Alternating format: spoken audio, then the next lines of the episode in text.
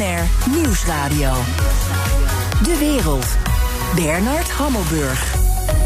Welkom bij het beste binnenlandse programma over het buitenland. Straks, ook Nederland zal weg moeten uit Afghanistan nu de Amerikanen er vertrekken na 19 jaar oorlog en 1 biljoen dollar kosten. Een terugblik met Sjoerd Sjoerdsma van D66, onder meer op twee Nederlandse missies. Maar nu eerst, de Turkse president Erdogan dreigt miljoenen vluchtelingen vanuit zijn land de EU-grenzen over te sturen. Maar een grens heeft altijd twee kanten en aan de Griekse kant staan de ME, een enorme politiemacht, een batterij traangas gaspistolen en Frontex-agenten klaar. En er wordt zelfs nog grover geschut ingezet dan dat. Six men were hit. Three in the leg, one in the groin, one in the chest, and one in the head. She is the wife of a man called Gulzar. He was the one hit in the chest. She's just identified his body in the morgue. Ik ga erover praten met Joost Lagendijk, onze correspondent in Turkije. Dag Joost. Goedemiddag. Um, er is een migrant om het leven gekomen door kogels, zoals je hoorde in dat fragment. De Turken zeggen dat komt door de Grieken. De Grieken noemen het weer nepnieuws. Griekenland beschuldigt de Turken er dan weer van uh, dat ze met traangas hun, uh, op hun grensbewakers uh, schieten. Wie moeten we geloven? Nou ja, wat we hebben zien gebeuren de afgelopen dagen is dat uh, Erdogan uh, een in mijn ogen uh, buitengewoon botte en cynische move heeft gemaakt door te suggereren in Turkije bij vluchtelingen dat de grens open is, de grens naar Europa. Nou goed, je hebt zelf al gezegd dat geldt vanaf een paar dagen geleden voor de Turkse kant, maar absoluut niet voor de Europese kant. En wat je dus ziet gebeuren is het tragische schouwspel van vluchtelingen die als pionnen in een schaakspel gebruikt worden, massaal, enkele tienduizenden, naar die grens toe gaan en dan daarachter komen dat die uh, aan de Europese kant helemaal niet open is. En daar in wanhoop verblijven. Sommige keren weer terug. Anderen proberen toch eroverheen te komen. En de Grieken met steun van de Europese Unie probeert dat ten koste van alles ongeveer tegen te houden. Ja, um er, er gaat extra EU-geld heen, 160 extra asielexperts, honderden extra grenswachten, zes kustwachtschepen, een vliegtuig, twee helikopters, een voertuig, medische hulp, tenten, dekens. 700 miljoen euro is beschikbaar, van de helft per direct. Klinkt dat niet een beetje als een belegering? Nou ja, kijk, ik snap wel dat vanuit de Europese Unie gereageerd wordt op deze eh, nogmaals cynische uh, move van Erdogan door te zeggen, daar gaan we uh, ons met ten koste van alles uh, tegen verzetten, daar gaan we niet aan toegeven, want dit is onmenselijk en, en onwenselijk. en nu zie je dat de Europese Unie daar alles uit de kast trekt om dat tegen te houden. Het punt is, en daar ben ik een beetje bang voor, is dat Erdogan doet dit, nogmaals heel bot en cynisch, om een punt te maken richting de Europese Unie over de bijdrage van de Europese Unie aan de opvang van vluchtelingen meer in zijn algemeenheid uh, vanuit Syrië. Um, de, en daar, die twee punten die hij daar wil maken, die, ik zou het slecht vinden als die onder druk van dit soort botte maatregelen uh, van het toneel verdwijnen. Dus het middel is heel erg slecht, ja. maar het doel aandacht vragen. Dat, dat, dat gaat dus over de lopende zogenaamde Turkije-deal. Nee, dat gaat niet alleen over die lopende Turkije-deal. Daar gaat het ook over. Die, die is aan het aflopen. Dat wil zeggen dat de meeste financiën die daarmee gepaard zijn, eh, 6 miljard, dat die inmiddels wel door de Europese Unie zijn eh, toegekend aan projecten in, in Turkije. Voor, voor Syrische vluchtelingen die al in Turkije zitten. Maar het nieuwe is uh, de, situatie in Idlib. In Noordwest-Syrië, aan de Turks-Syrische grens. Daar is een, rond een miljoen mensen in erbarmelijke omstandigheden. Daar draait op dit moment eigenlijk alleen Turkije op voor de opvang. En daarvan heeft Erdogan al wekenlang gezegd dat hij vindt dat ook Europa daar een taak te vervullen heeft. Ja. En het is met name dat laatste punt wat hij met deze cynische, botte methode eigenlijk onder de aandacht van Europa wil brengen. En, en hij had het net zo goed op een beleefde en, en, een beschaafde manier aan Europa kunnen voorleggen, toch? Van jongens, ik zit met een extra probleem, steken ze een helpende hand uit. Ja, dat had gekund. Dat en waarom heeft hij daar niet voor gekozen, denk je? Ja, dat is, dat is een goede vraag. Uh, want uh, kijk, het, het, gevolg van die, van die botte manier is uh, eigenlijk contraproductief. je ziet nu dat die grenzen extra versterkt worden.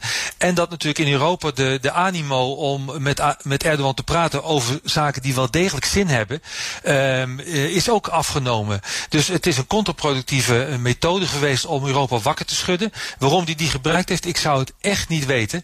ik merk ook in Turkije zelf bij men, mensen die zeggen, waarom gebruiken wij nou vluchtelingen vluchtelingen die we tot voor kort welkom heten, waarom gebruiken we die op zo'n manipulatieve manier? Dus ook in Turkije bij veel mensen hebben we toch wel twijfels bij deze hele botte methode. Ja, ja nou, nou klinkt dat een beetje als het verhaal wat je zeggen, een beetje in elitaire kringen zou horen, maar zo gemiddeld in het land. Hoe ligt daar deze kwestie. Want Erdogan is heel handig in het inspelen op, ik zal maar zeggen, populistische gevoelens. Heeft het daar ook iets mee te maken? Zeker. Nee, kijk, waar, ik, uh, waar, waar, ik over had, uh, zijn inderdaad mensen die sowieso niet zoveel met Erdogan op hebben.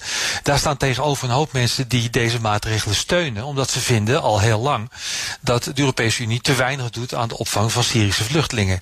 En, en die zien deze, deze move nu van, van Erdogan, het, het, het, mensen naar de grens toe sturen, als een terechte methode zeg maar, om Europa onder druk te zetten. Dus het is heel erg gespleten, zoals veel dingen in Turkije. Er is ook veel steun voor. Uh, en dat nogmaals heeft ermee te maken dat, dat men vindt dat uh, Turkije bijna 4 miljoen opvangt. En dat Europa piept over 10 of 20 of 50.000 vluchtelingen. Ja, en nou, je kunt zeggen, daar heeft Erdogan ook wel een punt.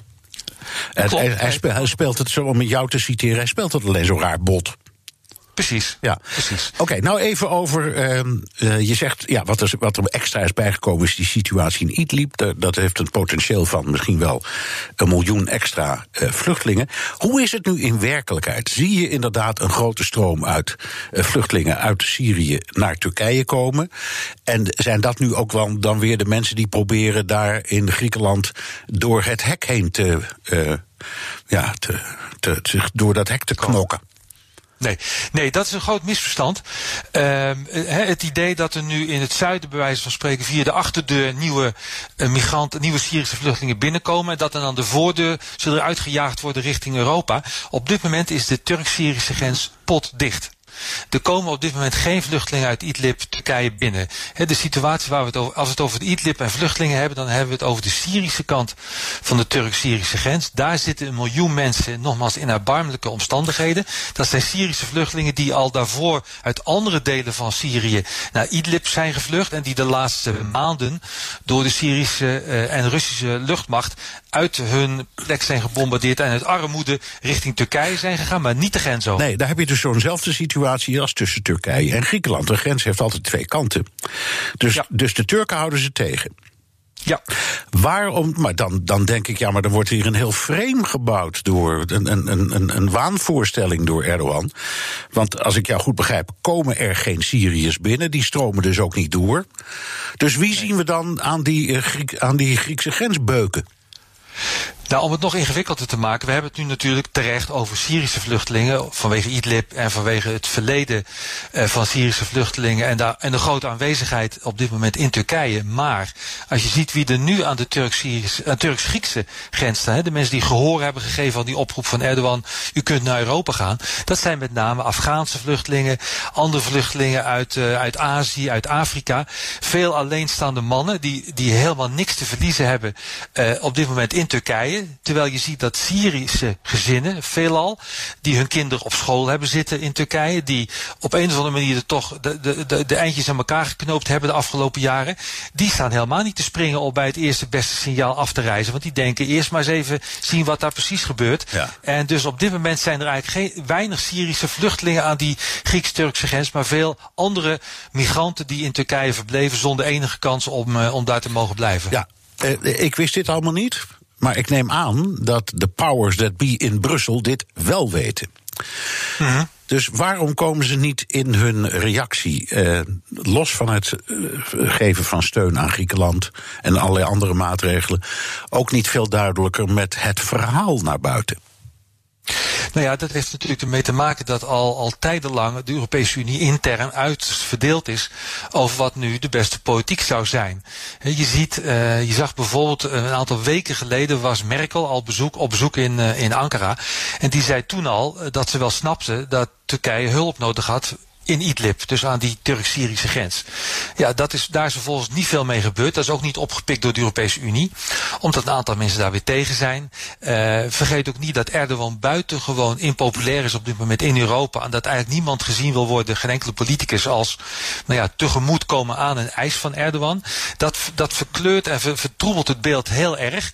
Uh, ik zie dat nu echter wel langzamerhand keren. Als je ziet dat uh, waarschijnlijk aanstaande vrijdag de minister van Buitenlandse Zaken van de Europese Unie gaan besluiten om toch een soort, om mee te werken aan een oude Turkse eis, namelijk een no-fly zone aan die, uh, aan die grens, dan zie je dat langzamerhand in de praktijk Europa wel richting Turkije opschuift. Maar het is, om het te verdedigen intern in Europa, is het heel erg impopulair om gezien te worden als toegeven aan Erdogan. Ja, nog eventjes uh, voor de duidelijkheid. Je zegt, als ik het allemaal zo hoor, dan, dan, dan doen die Turken het helemaal niet onaardig. Voor de Syrische vluchtelingen zijn ze in sommige gevallen zelfs nou ja, behoorlijk ruimhartig en doen echt wel hun best om iets van integratie of zo uh, voor elkaar. Maar voor bijna 4 miljoen krijg je dat niet voor elkaar. Dus hoe gaat het in het algemeen met die vluchtelingen en hoe kijken de Turken in het algemeen tegen die vluchtelingen aan? Ja, het, toen, de Turk, toen de Syrische vluchtelingen in grote getalen binnenstroomden, daar hebben we het over uh, zes, zeven, acht jaar geleden, toen zijn die met open armen ontvangen. Echt, echt op een uh, buitengewoon hartelijke manier. Uh, deels in kampen, maar de meerderheid gewoon in, in Turkse steden aan de Turk-Syrische grens. En natuurlijk in Istanbul, Ankara en Izmir en andere grote steden. Um, die, die, die hartelijkheid is eerlijk gezegd de afgelopen jaar wel afgenomen. Dat heeft ermee te maken met mechanismen die we ook in andere landen zien. Uh, men verwachtte dat ze snel terug zouden gaan is niet gebeurd. Uh, laagbetaalde arbeid uh, wordt ingenomen door Syrische vluchtelingen die bereid zijn onder de prijs te werken. Uh, appartementen, goedkope appartementen, daarvan gaat de prijs omhoog omdat daar Syrische gezinnen ingetrokken zijn. In zijn algemeen ja. zie je dat de bereidheid van de Turkse bevolking om zoveel Syrische vluchtelingen te ontvangen aanmerkelijk is afgenomen. En het is naar verluid, of volgens vele uh, opiniepeilers ook, een van de redenen waarom de AKP van Erdogan afgelopen uh, jaar de, de gemeenteraadsverkiezingen heeft verloren. Ja. Hoe zeg je weer schaffen das in het Turks? Oh, dat is een goede vraag. Ja, nou goed, maar zoiets is het. Spreek je me aan op mijn slechte Turks? nee. Um, nee. Dat zou ik niet weten. Nee. Maar, maar dat, dat, dat is, dat, dat is een beetje wat er gebeurd is. Dat was de teneur in het begin. Ja. En dat is dus omgekeerd in. Uh, nou ja, we zouden het niet erg vinden als er een aantal weggaat of terugkeert. Ja. Mijn gast is Joost Lagendijk, onze correspondent in Turkije. The main theater, if you will, uh, of this operation so far, the skies were quiet. And the reason for that is probably because Russia made an announcement on Sunday evening. It said uh, that it would no longer guarantee uh, the security and the safety of Turkish aircraft in Syrian skies, a veiled threat to Turkey. Dat gaat over de gevechten in Idlib, we hadden het er al over, waar Turkije gesteund door Syrische rebellen tegen het leger van Assad vecht. Nu is Erdogan vandaag in Moskou om met Poetin, de beschermheer van Assad, te praten. Wat, Joost, zal de inzet van dat gesprek zijn en wat verwacht je van de uitkomst? Uh, het lijkt erop dat uh, Turkije uit is op een, uh, op een soort nieuwe, nieuwe grenzen in Idlib. die zijn een aantal, anderhalf jaar geleden vastgesteld. Waarbij dus een gecompliceerde combinatie van Syrische rebellen, Turkse observatieposten. Ja, een hele rare lappendeken was dat. Precies, ja. precies. Ik denk, ik denk dat we toegaan naar een, een continue strook aan de Turk-Syrische grens van ongeveer 30 kilometer diep. Dat is in ieder geval wat in Turkije rondgaat als voorstel. Uh, die, die strook aan de Turk-Syrische grens, nogmaals, daar zou Assad buiten moeten blijven. Daar zou een no-fly zone moeten komen. Er zou niet gevlogen mogen worden door niemand. En dat zou dan ook de strook zijn waar Turkije hoopvol, uh, hopelijk met de steun van de Europese Unie, uh, hoopt men in Ankara, uh, die, die vluchtelingen op een fatsoenlijke manier zou kunnen opvangen, zonder het gevaar te lopen dat die kampen worden aangevallen door het, het regime van Assad. Ja, nu heeft Erdogan daar zo zijn eigen overwegingen over. de controle van de vluchtelingenstroom, zoals jij zegt. Het heeft altijd ook te maken met de Koerdische positie langs de grens. Denk je dat dit haalbaar is en aanvaardbaar voor alle partijen? Dus en voor Assad en voor Poetin en voor de Europese Unie. Assad zal dit alleen maar knarsetandend uh, accepteren. Want dat betekent eigenlijk dat hij op dit moment de soevereiniteit over een deel van zijn eigen land weggeeft. Ja, precies. Uh, want we hebben het over, we hebben het over Syrië. Ja. Uh, ik denk dat, dat Poetin, de Russen, bereid zullen zijn om Assad genoeg onder druk te zetten om dat dan dit toch maar tijdelijk te accepteren. Omdat natuurlijk Rusland in een ingewikkelde balanceeract zit. Tussen aan de ene kant Assad steunen, maar aan de andere kant ook Turkije eh, te vriend houden. Uh, daar heeft Poetin veel in geïnvesteerd. En om dat nu helemaal weg te gooien door tegen Erdogan te zeggen: je bekijkt het maar, we doen, het, we doen er niet aan mee. Uh, lijkt me stug. Dus ik verwacht dat dat best eens wel de uitkomst zou kunnen zijn. Ten slotte de Europese Unie. Je ziet nu dat de Europese Unie bewegingen maakt om te zeggen: nou, als, dat, uh, als Poetin en Erdogan daar uitkomen, dan zijn wij wel bereid om mee te helpen met de humanitaire hulp. Maar ook met het garanderen van die no-fly zones. Zodat er boven dat gebied dan niet gevlogen kan worden. Nee, en hoe doe je dat? Dat doe je bijvoorbeeld door, uh, dat is, uh, nou ja, misschien een jaar of zeven geleden ook gebeurd, door bijvoorbeeld Patriot-raketten uit te lenen aan uh, Turkije. Nederland heeft dat toen gedaan, Duitsland heeft dat toen gedaan. Ja. Um, zou dat bijvoorbeeld iets kunnen zijn dat Europa of de NAVO tegen Turkije ja. zeggen? Van, nou. Ja, daar zit je natuurlijk meer op het terrein van de NAVO. Er zijn inderdaad een paar uh, landen, je noemde ze al op. Uh, Duitsland, Nederland, ik dacht Spanje ook. Ik dacht Spanje uh, op dit moment zelfs een bataljon. Ja, die staan er geloof ik nog, hè? Die staan, ja. er, staan er volgens mij. De Amerikanen hebben ze natuurlijk ook.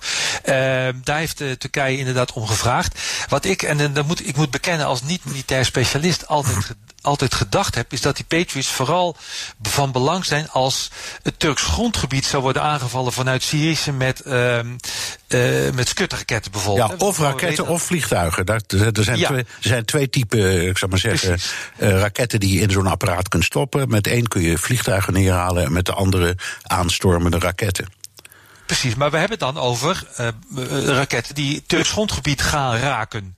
Um, en uh, wij, wij, over in Idlib en die zone die Turkije wil, wel graag wil hebben aan de grens, is natuurlijk aan de Syrische kant van de grens. Ik weet niet of die Patriots, NAVO-Patriots, geëigend zijn om vliegtuigen of raketten boven Syrisch grondgebied neer te schieten. Nee. dat, dat heb ik altijd wat ingewikkeld gevonden bij, de, bij deze wens. Ik snap het als het gaat om zelfverdediging, verdedigen van Turks grondgebied, maar ik snap het niet zo goed als het gaat om die no-fly zone. Tenzij je daar afspraken over maakt, met de Russen bijvoorbeeld, uh, dat die toe zouden staan dat als er een, een Syrisch vliegtuig boven die zone vliegt, dat dan een Patriot vanaf Turks grondgebied die neer zou mogen schieten. Nou, dat moet ik nog uh, zien hoor. Dat de, dat, dat, de Russen dat ik ooit ook. goed. Ja, oké. Okay, nou, nou even uh, voor ons. Wij zijn reuzen in de war, Joost. Jij waarschijnlijk ook. Erdogan kocht van de Russen S-400-raketten. Dat is een concurrent van de Patriot. Hij zegt zelf, om, uh, Erdogan zegt, omdat ik het steeds maar uh, aan de Amerikanen vroeg en die hielden me aan het lijntje. Dus toen heb ik uiteindelijk maar die Russische dingen besteld. Die zijn eigenlijk net zo goed. Um, dat leidde tot enorme woede van de Amerikanen en ook wel van andere NAVO. Uh, lidstaten.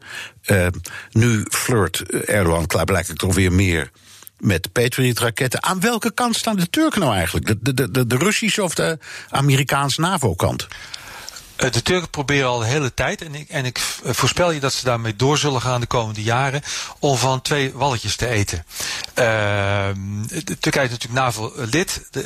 Niemand hoeft te verwachten dat Turkije dat op wil gaan zeggen, of dat Turkije zich uh, definitief uit het Westen wil terugtrekken. Allemaal dat soort berichten die je af en toe ziet langskomen.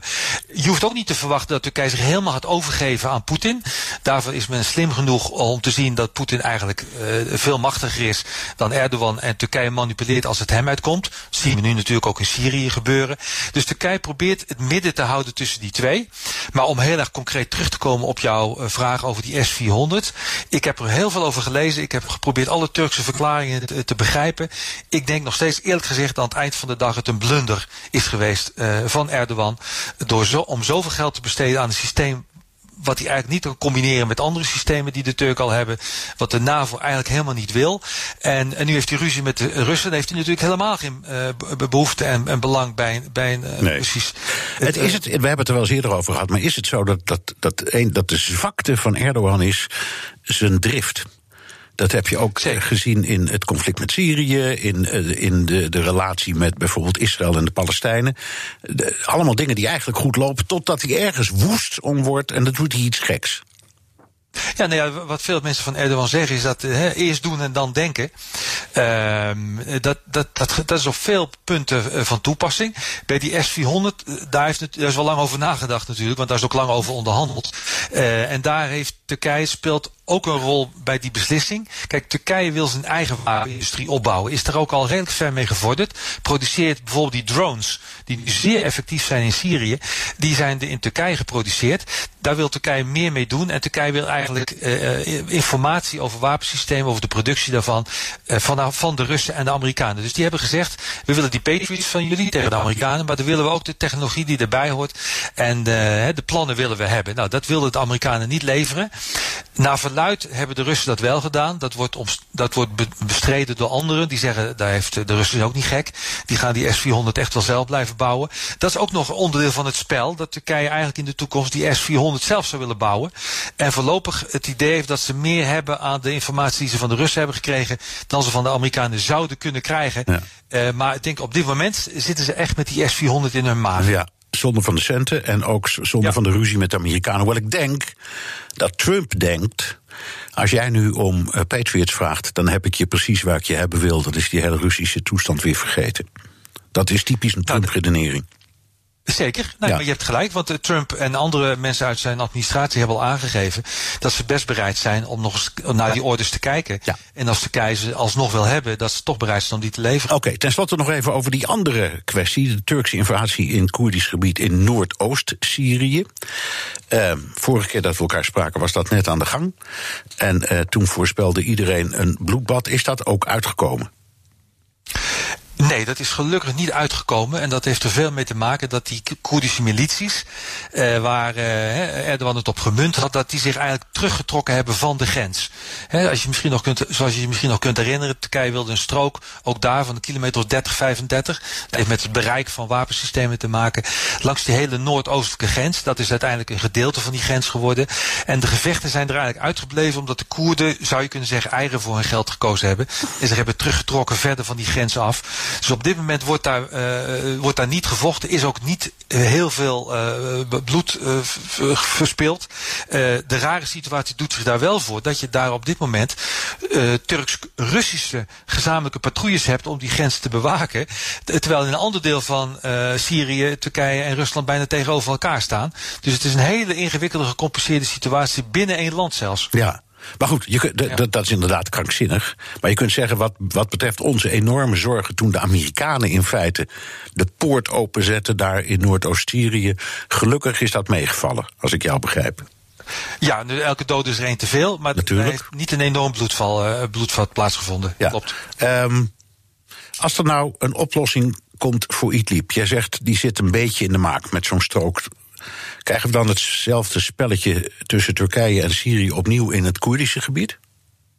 Nou ja, dat ligt in die zin ingewikkelder. Want uh, kijk, uh, bij Idlib gaat het om een. Nou ja, daar wonen natuurlijk mensen. En daar, komen nu uit de rest van Syrië zijn daar mensen naartoe getrokken. En om die daar voorlopig te huisvesten, daar, ik denk dat Europa daar aan mee gaat werken. in het Noordoosten, in het Koerdische gebied, is het natuurlijk gegaan om het verdrijven van Koerden, die daar oorspronkelijk woonden. En de plannen om daar andere Syriërs te, te, te, te huisvesten. Daarvan heeft, hebben natuurlijk veel Europese landen gezegd... ja, dat is een soort uh, bevolkingspraktijk. Uh, uh, de ene eruit trappen en de andere er neerzetten... waar wij niet aan mee willen werken. Dus ik denk zelf eerlijk gezegd dat... ook al gaat de Europese Unie aan Idlib meewerken... wat ik dus wel verwacht... dat dat nog niet zal betekenen dat hetzelfde zo snel zal gaan gebeuren in het Noordoosten. Nee. Oké, nou... Uh, het blijft ingewikkeld, maar blij dat je ons weer even hebt bijgepraat. Dankjewel, Joost Lagendijk, onze correspondent in Turkije. BNR Nieuwsradio. De wereld. Bernard Hammelburg. Het coronavirus, een crisis aan de Grieks-Turkse grens en een klimaatwet voor heel Europa. Het is een hectische week in Brussel. Maar onder het motto Never Waste a Good Crisis gebruikt de Europese Commissie deze week om zich uitdrukkelijk te profileren. Europa-verslaggever Jesse Pinsel laten we de afgelopen dagen even langslopen. Wat gebeurde er mhm. maandag? Maandag was het uh, coronadag in Brussel. En stonden aan het eind van de ochtend ineens zes, ik haal zes eurocommissarissen klaar voor een persconferentie. Dus ja, zoveel dat ze zelfs elkaar in de weg liepen. The corona um, response team, we have given you a graph. Perhaps you move a bit aside. Thank you so much. Ja, er moest er eentje een beetje opzij gaan, want die stond voor de PowerPoint-slide. Ook de locatie was vrij bijzonder. Ze waren naar het crisiscentrum van de Europese Commissie gekomen.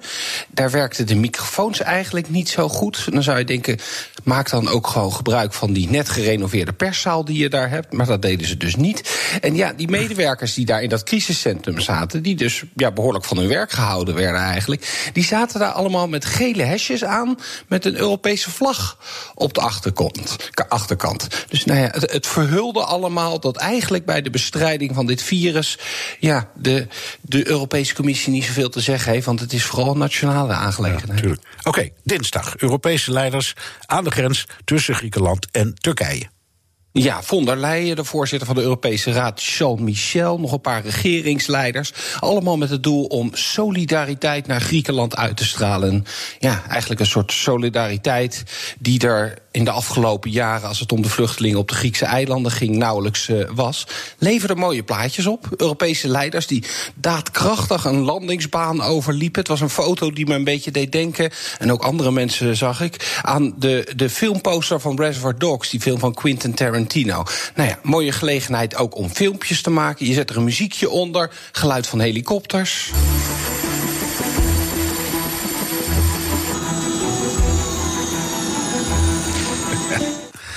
Ja, het had allemaal eigenlijk veel weg van een slechte actiefilm. Maar ja, het, het straalt wel daadkrachtigheid uit. Overigens probeert de Europese Commissie deze crisis inderdaad echt te gebruiken om die hele migratiediscussie weer vlot te trekken. Never waste a good crisis. Nee, uw, uw Europese belastingcenten aan het werk. Op deze manier behandelen we alle grote Europese vraagstukken, want woensdag was het klimaat aan de beurt.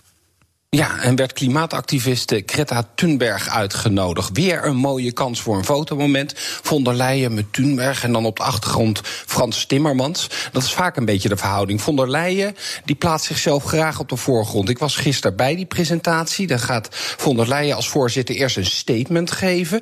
Dan mogen journalisten ook helemaal geen vragen stellen. En dan vervolgens is het aan Frans Timmermans of een andere eurocommissaris... om in de perszaal zeg maar, de lastige vragen daar te gaan beantwoorden. Nou moet ik eerlijk zeggen dat het feit dat ze Thunberg uitgenodigd hebben ook wel weer een teken van zelfvertrouwen is. Weet je, ze zijn niet bang voor die kritiek.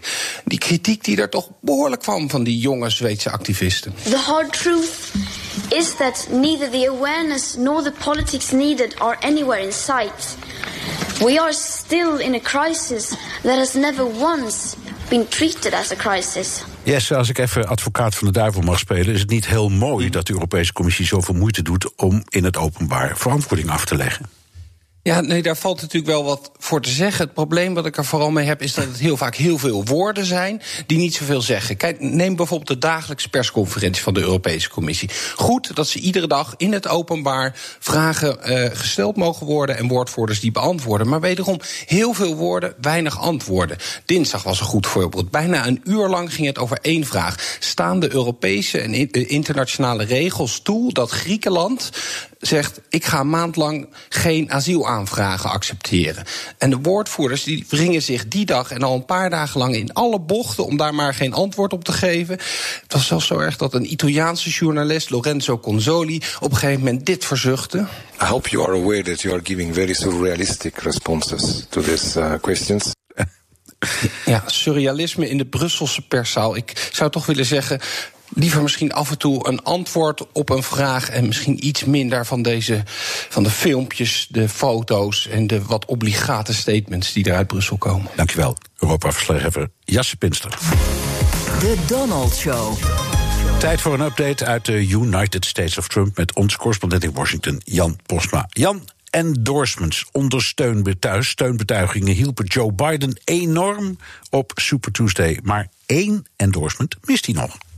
Ja, precies, die van Obama. Uh, Biden noemt maar al te graag hoe hij uh, samenwerkte met zijn buddy, hè, zijn buddy Barack. En hoe onmisbaar hij was voor Obama. En dat, merkt ook wel, uh, dat werkt ook wel, merk ik. veel democraten zijn heel nostalgisch naar de wereld voor Trump natuurlijk. Maar die Obama, die hoor je niet over zijn vicepresident. Die houdt zich stil. hij is natuurlijk de populairste man in de Democratische Partij. Er hoort de verantwoordelijkheid bij. En Obama weet dat als hij zich uitspreekt voor een kandidaat... dat hij dan ook een deel van zijn eigen partij van zich kan vervreemden. Dus hij kijkt wel uit. Uh, en hij weet ook, straks na die verkiezing is er iemand nodig die die partij weer bij elkaar moet brengen. Na die strijd, uh, zoals het er nu uitziet, tussen Sanders en uh, Biden. nou, en dan is Obama natuurlijk de aangewezen persoon. toch is er een spotje van Biden waarin Obama de hoofdrol speelt. Joe's candid, honest counsel made me a better president.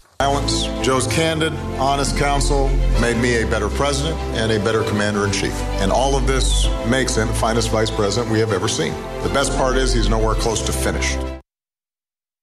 Ja, en hierin lijkt het toch echt alsof eh, Obama Biden uh, endorst. Maar dit fragment kwam uit de ceremonie voor de Medal of Freedom... die Biden van Obama kreeg uh, aan het eind van zijn presidentschap. Dus dit was geen endorsement. Nee. En Biden is niet de enige die uitspraken van Obama gebruikt... of zelfs misbruikt. Nee, inderdaad. Want deze week kwam Bernie Sanders, uh, Bidens uh, concurrent, uh, kwam ook met een spotje. En dan zie je Obama en Sanders gebroedelijk door het Witte Huis lopen. En Obama vertelt dan over hoe authentiek Bernie is. Hij noemt hem Bernie vriendschappelijk. En hoeveel Bernie voor elkaar kreeg. En nog veel meer. They want honest leadership who cares about them. They want somebody who's going to fight for them. And they will find it in Bernie. That's right, feel the burn. I'm Bernie Sanders, and I approve this message. Ja, feel the burn, als dat geen endorsement is. Maar uh, CNN factcheckte waar dit allemaal vandaan kwam. En uh, je hoort ook dat er wat in geknipt is. Dit is uit een speech uit 2006 onder meer. Meer zaken ook die uit de context zijn gehaald. Want die Sanders en Obama die hebben helemaal niet een fantastische relatie. Dus dit ook weer lijkt een endorsement, maar is het toch niet? Nou, Bloomberg die hield de kiezers ook voor dat Obama voor hem was. Ja, en dan zie je uh, beelden van Bloomberg en Obama samen. En, en, dan hoor je een stem die vertelt hoe ze hebben samengewerkt. Bijvoorbeeld op het gebied van wapenwetgeving. Uh, toen Bloomberg burgemeester was. Leadership in action uh, hoor je dan. En hij eindigt zo. At a time when Washington is divided in old ideological battles, he shows us what can be achieved when we bring people together to seek pragmatic solutions. I'm Mike Bloomberg, and I approve this message. Ja, en ik sprak op een campagne-rally van, uh, van Bloomberg. Afgelopen zaterdag sprak ik met twee supporters. En die waren er echt heilig van overtuigd dat Obama achter Bloomberg stond. En dat kwam door deze spot. Maar wederom, dit is geen endorsement. Nou, zelfs de Republikeinen gebruiken Obama in een spotje. Ja, dit is uh, van een Trump-actiegroep. En, en dit is heel uh, sneaky. Ze laten het audioboek van Dreams from My Father horen. Dat boek van uh, Obama. En hij leest dat dus zelf voor. maar ze laten daarbij beelden zien van Biden. Waardoor het lijkt alsof, Biden, alsof Obama eigenlijk heel negatief over Biden is. When the so-called black committeemen came around election time... we'd all line up and vote the straight Democratic ticket. Sell our souls for a Christmas turkey. Enough. Joe Biden won't represent us, defend us, or help us. Don't believe Biden's empty promises. The committee to defend the president paid for and is responsible for the content of this message. Ja, met een mooie disclaimer erachter. Maar aan alle kanten worden dus die woorden van Obama gebruikt. En je zou denken dus dat hij allerlei meningen heeft. Dat hij al Biden endorsed heeft, Bloomberg, Sanders. En dat hij eigenlijk zich ook alweer bedacht heeft over Biden. En nu heel kritisch is. Maar in werkelijkheid houdt hij zijn mond. Dankjewel, Jan Postma, correspondent in Washington. En misschien kunnen we Obama ook zo gek krijgen dat hij de Amerika-podcast endorst. Want Jan, die gaan wij zo dadelijk weer opnemen. En vanavond staat hij online. BNR Nieuwsradio. De wereld. Met het vredesverdrag tussen Amerika en de Taliban komt, als het allemaal doorgaat, een eind aan de Amerikaanse rol in Afghanistan. Na 19 jaar, de langste oorlog uit de Amerikaanse geschiedenis. Both sides inked the deal in Qatar's capital Doha following a year and a half of talks. Each have committed to a reduction in violence. The agreement paves the way for the United States to gradually withdraw its troops from Afghanistan. In return, the Taliban have promised not to allow the country to be used as a base for terrorist attacks against the West. Ik ga erover praten met Sjoerd Sjoerdsma, buitenlandwoordvoerder voor D66. Dag meneer Sjoerdsma. Dag. Um, bekend Amerikaans gezegde, declare victory and leave. Is dit vrede of maken de Amerikanen zich uit de voeten onder het mom van vrede? Nou, het is geen vredesakkoord en dus ook geen vrede. Uh, het is vooral uh, president Trump die bedenkt... ja, in november dan moet ik opnieuw verkozen worden... en ik heb nog een belofte uitstaan. Een belofte om onze troepen uit het buitenland terug te halen. En in Afghanistan heb ik er nog behoorlijk wat. En daarvoor, om dat, om dat te kunnen doen zonder al te veel gezichtsverlies... moet er een soort van akkoord zijn. En laat ik dan dit akkoord gebruiken... om inderdaad me heel snel uit de voeten te maken. Ja, um eerlijk is eerlijk, Trump heeft dat beloofd. Zijn voorganger Obama had het in diens ver- verkiezingscampagne ook, al beloofd. Klopt. Dus, dus in die zin doet Trump eigenlijk hetzelfde als wat Obama wilde. Ze, ze, ze voelden allebei eh, dat het niet klopte. En Obama heeft ook, is ook wel eens eerlijk genoeg geweest om in de loop van al die jaren te zeggen: we kunnen dit allemaal niet winnen. Nee, dat is denk ik ook wel waar. En kijk, Amerikanen zijn ook, als je kijkt naar hoeveel er wordt gepraat nog over de buitenlandse presentie, als je het vergelijkt met Irak destijds of Vietnam, dan zie je eigenlijk ook dat Amerikanen echt oorlogsmoe zijn, dat ze het niet meer over Afghanistan willen hebben, dat het enige waar ze het over willen hebben, als ze het over Afghanistan willen hebben, is laten we hier weggaan. En ik snap het op zich ook wel, zoals een Amerikaanse generaal ooit een keer tegen mij zei toen ik in Oerskan werkte. Ja, er zijn heel veel landen die bereid zijn te vechten tot de laatste Amerikaanse soldaat. Ja. Waarmee hij zo, zoveel wilde zeggen als ja, wij moeten alsmaar die kastanjes uit het vuur halen. En ja, hoe komen wij hier ooit uit dit soort plekken weg als we hier niet de boel kunnen overdragen? Nee, dat is natuurlijk een dat, dat, was dat, dat was zo, dat is ook nog steeds zo. Eerlijk is eerlijk. Ehm, en als je ziet naar eh, nou ja, zo'n waarschuwing die Trump gaf na de confrontatie, laatste confrontatie met Iran. Dat hij zei: ja, NAVO worden zwakker, want wij hebben geen belangen meer in dat Midden-Oosten, bijvoorbeeld olie. Toen dacht ik, ja. Dat is ook wel een goede waarschuwing. Had hij daar een punt? Want wij, wij leunen inderdaad op die Amerikanen.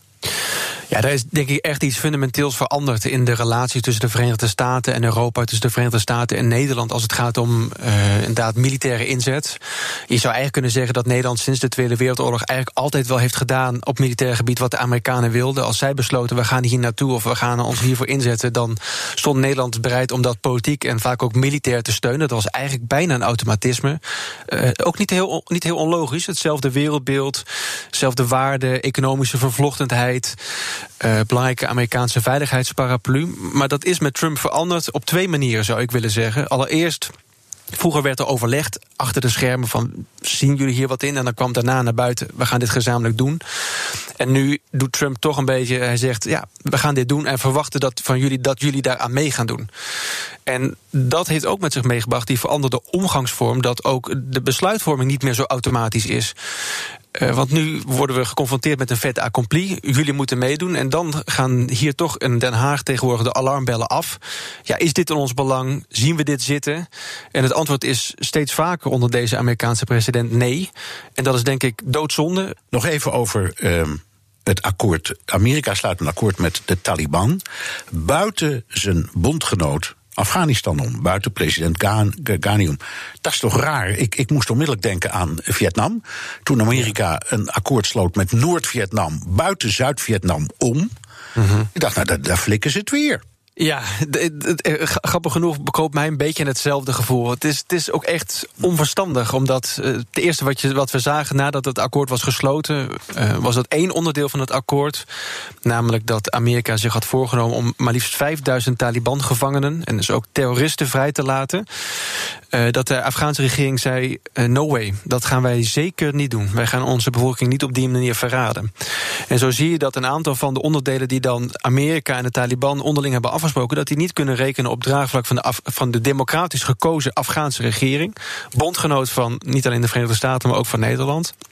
Ja, dat maakt zo'n ja, zo'n zo'n overeenkomst, die, hoewel die historisch werd genoemd, toch wel vooral heel erg proos. Ja, nou dat dit woord historisch wordt al snel misbruikt. Want het duurt, duurt, nog wel een tijdje voordat we dat kunnen vaststellen.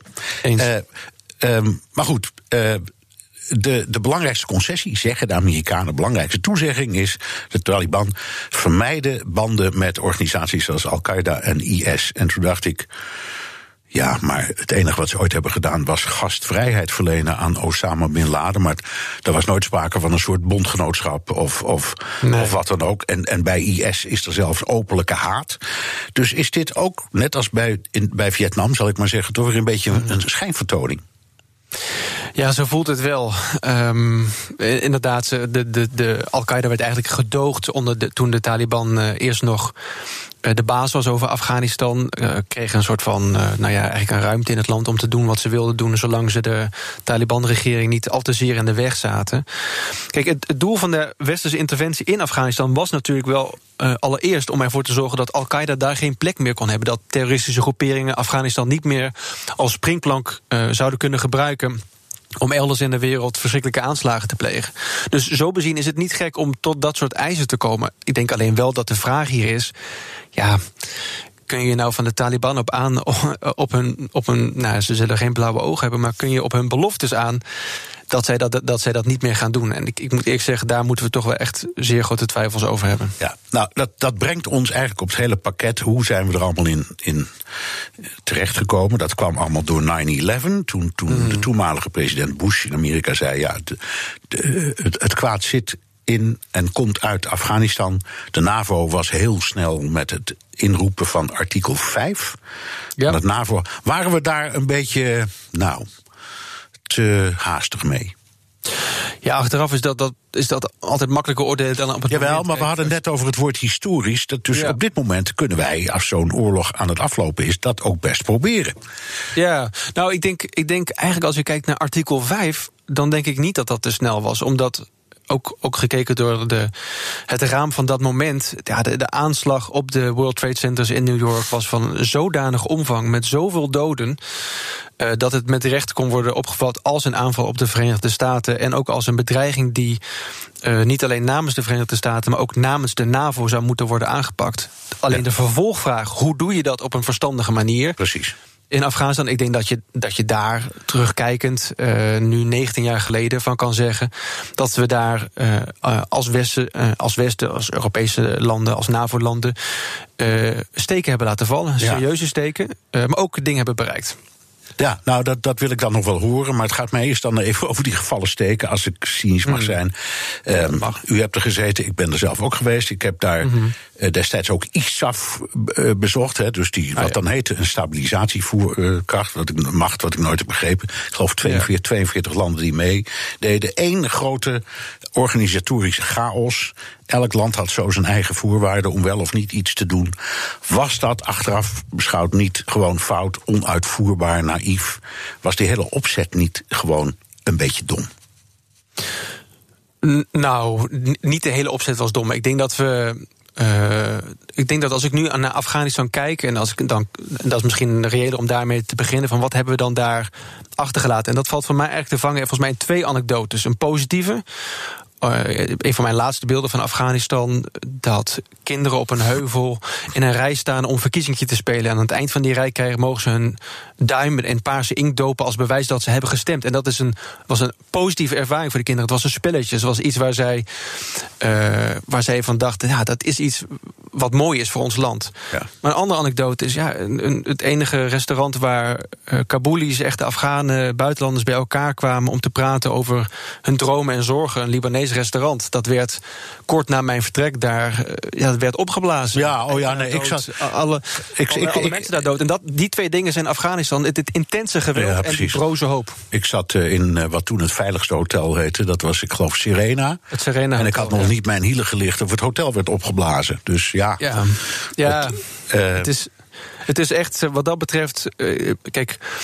Eh, ik vind vooral de belangrijkste les is hoe, hoe de Nederlandse, het Nederlandse parlement met dit soort missies. Oké, nou laten, laten we daar dan op inhaken. Er zijn twee dingen geweest. De missie in Oeruzgan. Ja. U bent daar zelf geweest. Ja. Als diplomaat, neem ik aan. Toen. In Oeruzgan en in Kunduz, ja. En in Kunduz.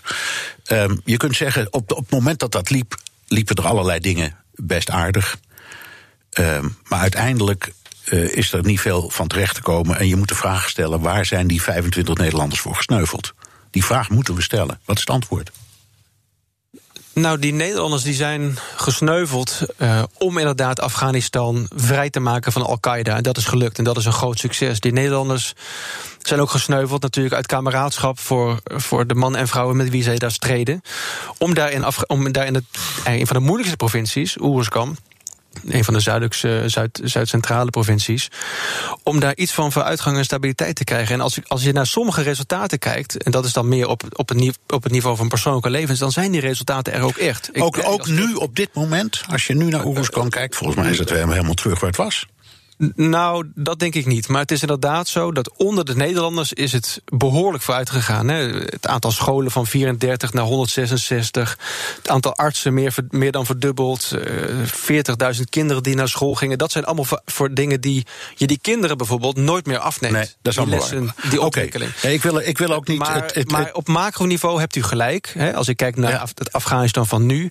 De, de positie van de Taliban, de invloed van de Taliban... 50% van het platteland onder hun invloed... dan is dat serieus teleurstellend. En de vraag is, en dat is de, de, de, de spannende vraag... die uiteindelijk zal bepalen, was dit het, het allemaal waard? Gaat het de huidige Afghaanse en de toekomstige Afghaanse regering lukken om het land zelf op een fatsoenlijke manier te besturen. En dat is ook een van de lessen die ik zou zeggen die wij moeten trekken. Wij richten onze missies nooit in om die zo snel mogelijk op een goed mogelijke manier over te dragen aan de lokale autoriteiten. Belangrijke een, les. Een van de lessen, ja. Kom, er- nogmaals. Dan die tweede, Kunduz, daar was u ook. Dat was een, een initiatief van GroenLinks en D66, die politietrainingen. En de ChristenUnie, ja. Ja, ChristenUnie, ja. Ehm, geen recruten, oppervlakkige spoedcursus, half miljoen euro per getrainde agent. Afijn, zo'n succes was dat niet. Waarom heeft uw partij zo aangedrongen en hoe kijkt u er zelf nu op terug? Ja, dubbel. Kijk, ehm, wat er toen dreigde te gebeuren was omdat eh, de PvdA koude voeten kreeg in de Tweede Kamer eh, vanwege de Oerskan-missie. Die wilden zij niet verlengen. Dreigden wij als eerste NAVO-land, als eerste grote NAVO-land ook eh, uit Afghanistan te vertrekken. En het was al duidelijk uit berichten van de toenmalige Volkskrant-correspondent Natalie Wrighton dat de Taliban klaar stond om daar een feest van te maken. Een grote overwinning voor de Taliban. En ik ben het helemaal eens met eh, mijn toenmalige partijleider Alexander Pechtold. Die zei: ja, wij kunnen, wij kunnen hun die overwinning niet geven. Wij moeten dan elders actief blijven. Ja. Dat is een goede overweging. Maar als je vervolgens kijkt dan naar de invulling van de missie. Die had heel zinvol kunnen zijn, want er moest ook heel veel getraind worden op politiegebied. Maar de voorwaarden die ja, helaas met name GroenLinks en de ChristenUnie daaraan stelden, niet offensief inzetten, we moeten die mensen volgen, die maakten dat die missie helaas vanaf het begin kreupel was. Dat is een altijd Ja. ja, ik, ik was toen diplomaat in Kabul en we hebben echt naar dat Kamerdebat gekeken, achter de tv, schreeuwend: nee, doe dit niet, want je trekt. Ja, Haagse lijn in het Afghaanse zand. En Afghanistan, laten we ook reëel zijn, is op sommige plekken gewoon de middeleeuwen met Kalashnikovs. Daar moet je reëel over zijn over wat daar kan gebeuren. Oké, dan in onze laatste minuut terug naar wat we hadden beloofd. De, de overwegingen bij en het, het, het samenstellen van missies. U zei ja, Ja. vroeger volgden we gewoon Amerikanen, dat is nu allemaal anders. Artikel 97 van de grondwet voorziet in dit soort dingen. He, daar Mhm. is een van de dingen waarom we onze krijgsmacht hebben. In een paar woorden, wat, wat als u zegt, u gaat natuurlijk nooit zeggen: nee, we moeten nooit meer missies uitsturen. Maar wat zouden dan de voorwaarden zijn om dat te doen? Nou, eh, misschien nog voor die voorwaarden komt er een Afghaans spreekwoord. En die spreekwoord dat luidt: hou geen ezel tegen die niet van jou is. En dat betekent zoveel als. Nou, bemoei je met je eigen zaken en niet met anderen waarvan je weinig weet hebt of waarvan je niet weet wat anderen echt willen. En dat is denk ik een belangrijk uitgangspunt in de buitenlandpolitiek. Net zoals in de medische wetenschap. De eerste regel is: richt geen schade aan. Als je ergens naartoe gaat, weet ervan verzekerd dat je het niet erger maakt. Maar daarna, als je toch wil gaan, omdat er een belang is, omdat onze eh, belangen, economisch, humanitair, mensenrechten op het spel staan. Ehm, dan moet je vervolgens wel rekenschap geven dat je het ook echt op een fatsoenlijke manier doet. Dus zonder al te veel beperkende voorwaarden. Voor langere tijd, met een duidelijke exit-strategie. Dat zijn de drie belangrijkste lessen die ik dan op tafel zou willen leggen. En die zijn tot nu toe, hebben die vaak ontbroken. En dan krijg je brokken. Ja. Die hebben eigenlijk altijd ontbroken. Als je kijkt bijvoorbeeld naar Afghanistan, we zijn hinkstapspringend door dat land gegaan. Van Baghlan naar Oersgan, van Kunduz naar Mazar. En dat heeft te maken met het feit dat politieke partijen niet bereid zijn voor langere tijd te zeggen: ja, mijn handtekening staat daarvoor. En dat moeten we anders doen. Het is logisch, want we denken cyclisch. Hè. We zijn, de kabinet en, en Kamer zitten er normaal voor vier jaar. En dan moet je als het ware over je graf gaan regeren. Als je langer weggaat voor zo'n missie. Terwijl dat eigenlijk elke militaire stratege zegt: ja, dat is de enige manier. Je moet je voor lange tijd committeren. Klopt, ja. Kijk, niet voor niets is, zijn de beste eh, ontwikkelingsprogramma's ooit zijn opgezet door missionarissen. Ik ben zelf niet gelovig, maar dat zijn mensen die gewoon hun hele leven lang uitgezonden op een bepaalde plek in het buitenland hun zendelingwerk deden. Nou, als je dus iets wil bereiken in dit soort landen, dan moet je je inderdaad committeren. Niet voor vier jaar, een, een verkiezingscyclus in Nederland, maar dan moet je bereid zijn om misschien wel 10, 20 jaar daar echt actief te zijn op weg naar die overdracht om de Afghanen het zelf te laten doen. Nou, dat is echt een belangrijke en misschien ook wel een beetje een zure les van onze aanwezigheid in Afghanistan. Dank. Sjoerd Sjoerdsma, buitenlandvoerder voor D66. En tot zover BNR De Wereld. Terugluisteren kan via de site, de app, Spotify of Apple Podcast. Reageren kan via een mailtje naar dewereld.bnr.nl. Tot volgende week.